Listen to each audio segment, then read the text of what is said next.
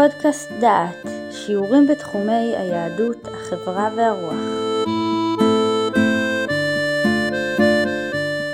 ברוכים הבאים לפודקאסט דעת, לקורס מצוות השמיטה. בשיעור זה נעסוק בביאור פירות שביעית. המצווה האחרונה השייכת לקדושת פירות השמיטה היא מצוות ביאור. אנחנו מכירים את המושג ביאור מכמה מצוות אחרות, ותכף נראה שהפירוש של ביאור שביעית שונה. אנחנו מכירים את ביאור חמץ, שזה חובה לבאר את החמץ בערב פסח עד סוף השעה החמישית של היום. ביאור זה בשריפה, אבל אפשר גם ל... להיפטר מן החמץ בדרכים אחרות, אבל הביאור זה לסלק את החמץ. אנחנו מכירים ביאור מעשרות, שזה בפסח של שנה רביעית ושביעית משבע שנות השמיטה, צריך להוציא את כל המעשרות שנמצאים בבית, דהיינו פירות שלא הפרישו מהם תרומות ומעשרות, צריך להפריש את התרומות ומעשרות ולתת למי שמיועדים לו, כהן, לוי או עני. ואנחנו גם מכירים את ביאור עבודה זרה, זה עיבוד האלילים מארץ ישראל וסילוקה.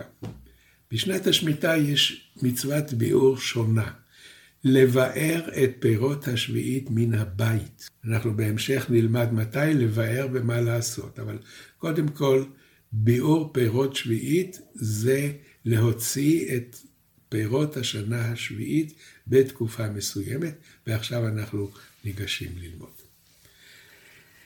בפרשת בהר, בויקרא כ"ה-ו"ז נאמר כך, והייתה שבת הארץ לכם לאוכלה, לך ולעבדך ולאמתך ולשכירך ולתושבך הגרים עמך, ולבהמתך ולחיה אשר בארצך תהיה כל שבועתה לאכול.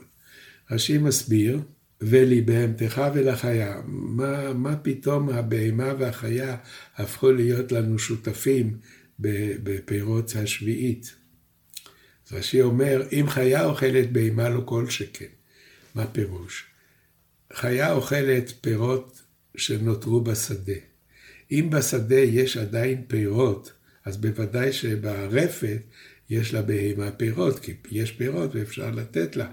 הרי בהמה חובה עליך לתת לה מזונות. אם כן, למה כתוב לי בהמתך ולחיה? אומר רש"י, מקיש בהמה לחיה. כל זמן שחיה אוכלת מן השדה, האכל לי בהמתך מן הבית. כלה לחיה מן השדה, כלה לי בהמתך מן הבית. פירוש הדבר, יש לך בבית אוכל. אוכל שלך ואוכל מאכל בהמה. אתה שומר במחסן שלך פירות לפרות. יש לך תירס, תירס הוא מאכל בהמה, אתה נותן לבהמה תירס. עד מתי אתה יכול לשמור את מאכל הבהמה הזה בביתך כשהוא שלך בלבד? אומר הפסוק, לבהמתך ולחיה. כאשר יש בשדה שיירים של תירס, אתה יכול לשמור אצלך בבית. נגמר מן השדה, אתה צריך לגמור מן הבית. זמן הביאור הוא כאשר כלה המין לחיה בשדה. וכדי שהדבר הזה יהיה מסודר ונוח ולא תצטרך כל פעם לרוץ בשדה לראות מה נשאר ומה לא, קבעו חכמים זמנים לביאור בשנה השמינית. והזמנים הם ענבים בפסח, זיתים בעצרת, תאנים בחנוכה, תמרים בפורים. יש לנו עכשיו מנגנון חדש. יש לנו פירות שביעית, אנחנו שומרים אותם בבית. בשלב מסוים של השנה, בפסח לגבי ענבים, בעצרת לגבי זיתים, אנחנו חייבים לבאר את הפירות מן הבית. מה זה לבאר מן הבית? להפקיר. עכשיו, אנחנו צריכים שני דברים. אנחנו צריכים קודם כל לדעת על איזה שדות מדובר, מתי נגמרו הפירות מן השדה. אז המשנה במסכת שביעית אומרת, שארץ ישראל מחולקת זה שלוש ארצות. יהודה, גליל ועבר הירדן. כל אחד מהם זה ארץ שכאשר נגמר בארץ הזאת, חובה להפקיר, לבאר את הפירות שנמצאים בבית. למה שלוש אה, ארצות אלה? מפני שההגדרה היא שהחיה מוצאת את האוכל. חיה לא הולכת מהגליל לעבר הירדן או מיהודה לגליל. לכן כל אזור, כאשר נגמרים הפירות בשדות המופקרים שלו, אז הזמן של הביאור. מה תכלית מצוות ביאור?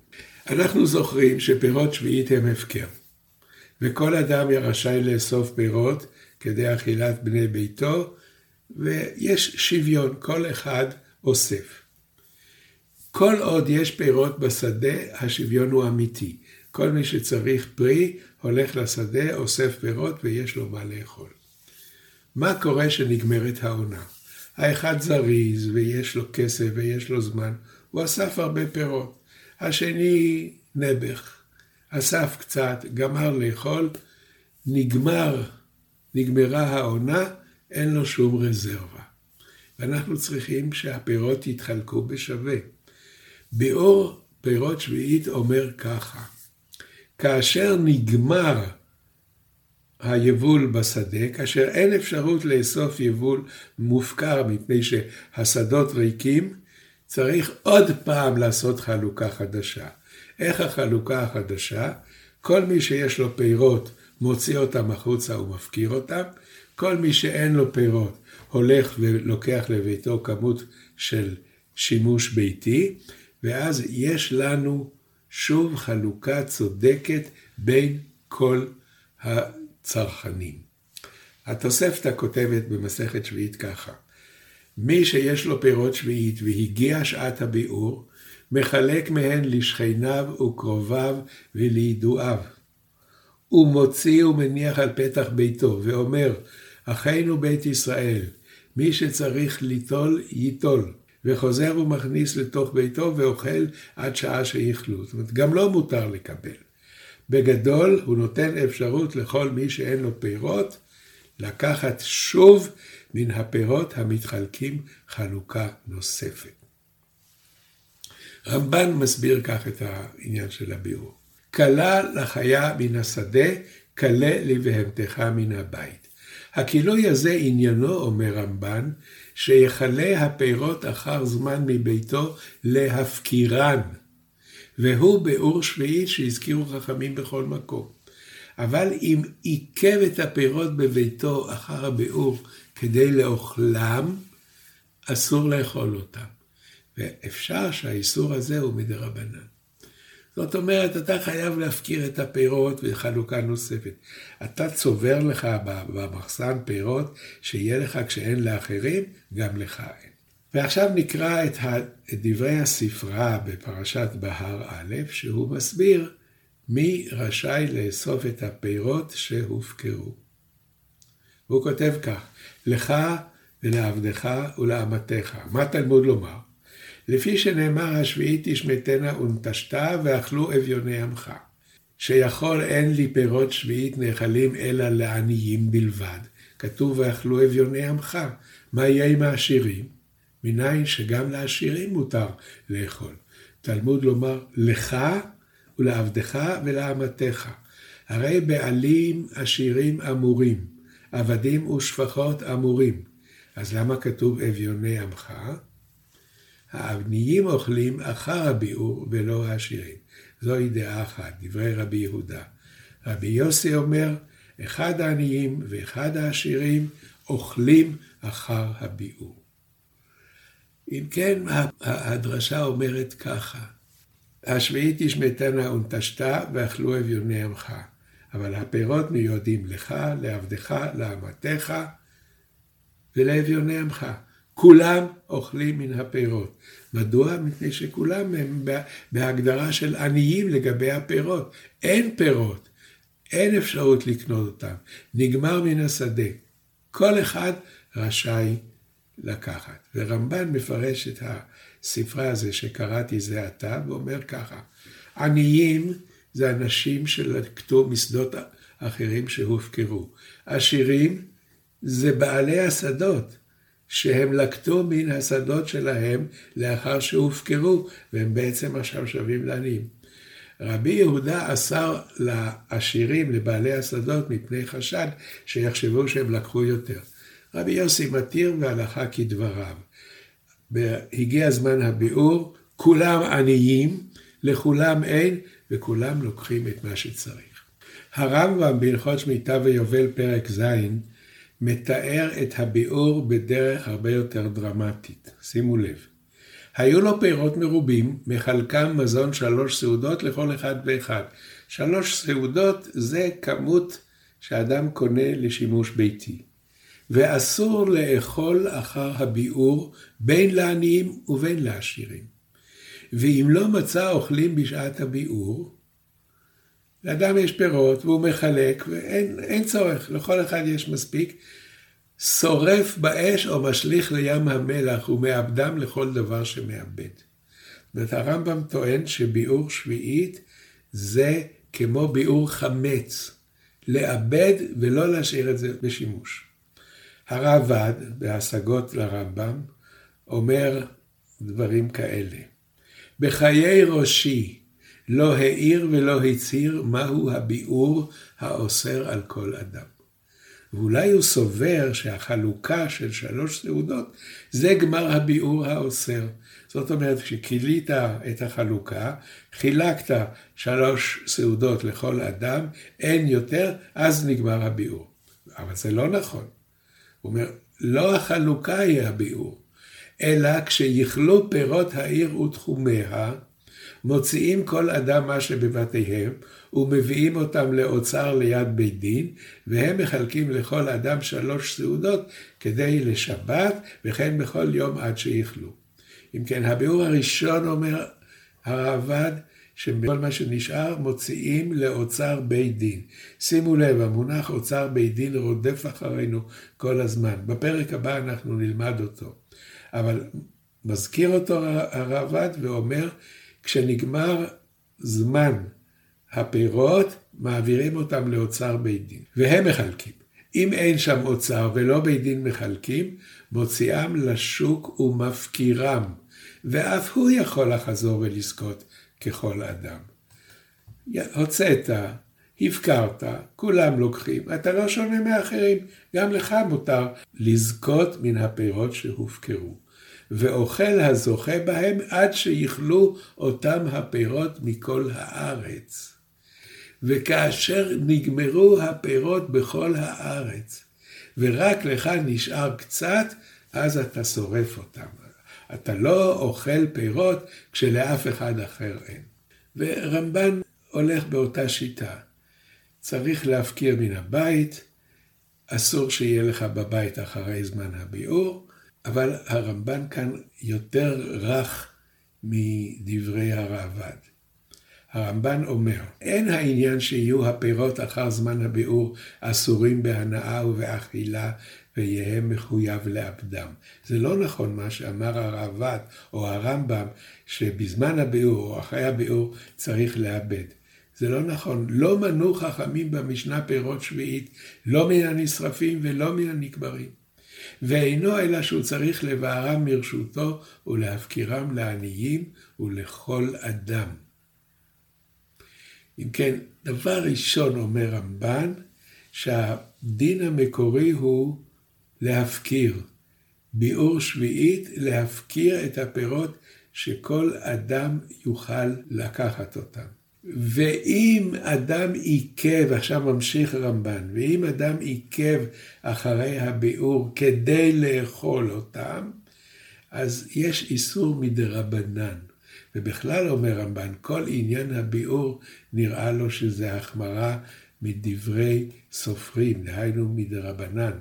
ומה שכותבים מהפסוק זה אסמכתא בעלמא. זאת אומרת, לפי רמב"ן, הוא בתחילה הוא מהסס בעניין של, של ביעור במובן של שריפה או השמדה. לבסוף הוא אומר, אבל אם אדם השאיר בביתו אוכל כדי לאכול אותו, אז אסור לו לאכול אותו, מפני שהוא בעצם לוקח דברים שהוא חייב להפקיר אותם, הם אינם שלו. אז יש לנו עכשיו סיכום של הדברים, ואני רוצה להגדיר אותו שוב. הביאור זה שכאשר נגמרת העונה החקלאית ואין יותר פירות בשדה שאפשר לקחת ולאסוף אותם כדי להשתמש בהם, צריך להפקיר מחדש ולחלק את הפירות מחדש. אחרי שזה מחולק מחדש, כל אחד יכול לאסוף, כולל הבעלים המפקיר. רמב"ם החמיר יותר וכתב שהביאור זה השמדת הפירות. הגיעה שעה, אין, אין לכולם, אז גם לך לא יהיה. רמב"ן אומר לא, הביאור זה ההפקרה החוזרת. אם אחרי ההפקרה כל אחד לקח מה שהוא רוצה ונשאר לך בבית ואתה שומר את זה לתקופה שלאחר מכן, יחול על זה גם איסור של אה, שימוש. אבל, כמו שאומר הראב"ד, אם הפירות ניתנים לאוצר בית דין, לא צריך להשמיד שום דבר. אוצר בית דין מחזיק אותם כדי לחלק חלוקה חוזרת. ועד שהוא לא גומר את הפירות, אין התפקיד שלו נגמר. נגמרו הפירות, אין יותר פירות. אבל אין שלב של הפקרה כאשר יש אוצר בית דין. עכשיו אנחנו צריכים לדבר מהו זמן הביאור. זה דבר מאוד מאוד מורכב. המכון לחקר חקלאות על פי התורה נהג בשמיטות שעברו להכין לוחות זמנים בהם כלה כל מין מן השדה בזמן ביאור שביעית. מי שרוצה לראות לוחות כאלה לגבי שנת תשע"ה, מוזמן לחפש באתר דעת במדור שמיטה לוחות כאלה, ושם רשום בדיוק מתי נגמר בשדה כל מין. זה, זה תואך לא, לא פשוט. אחת הסיבות שאנשים נמנעים מלאכול או מלהשתמש בפירות בקדושת שביעית, זה העניין הזה של הביאור. מפני שאתה צריך לעמוד על המשמר, הגיע סוף העונה, להפקיר, ואחרי שהפקרת אתה יכול גם כן לזכות, אבל שוב אתה נכנס למחלוקת של הראב"ד, עד מתי אתה יכול להשאיר את זה אצלך. עוד צריך לזכור שכאשר הפירות נמצאים באוצר בית דין, אין נושא של ביאור, כי בית הדין הוא זה שמחלק אותם חלוקה שוויונית, ומטרת הביאור, כפי שראינו, זה חלוקה שוויונית. אם כן, סיימנו את הנושא הזה, לפנינו הנושא הבא שלנו יהיה אוצר בית דין, שזה אחד הנושאים המורכבים, המעניינים, שעברו בהם המון שינויים, ועדיין יש מה ללמוד כיצד להשתלט על העניין הזה.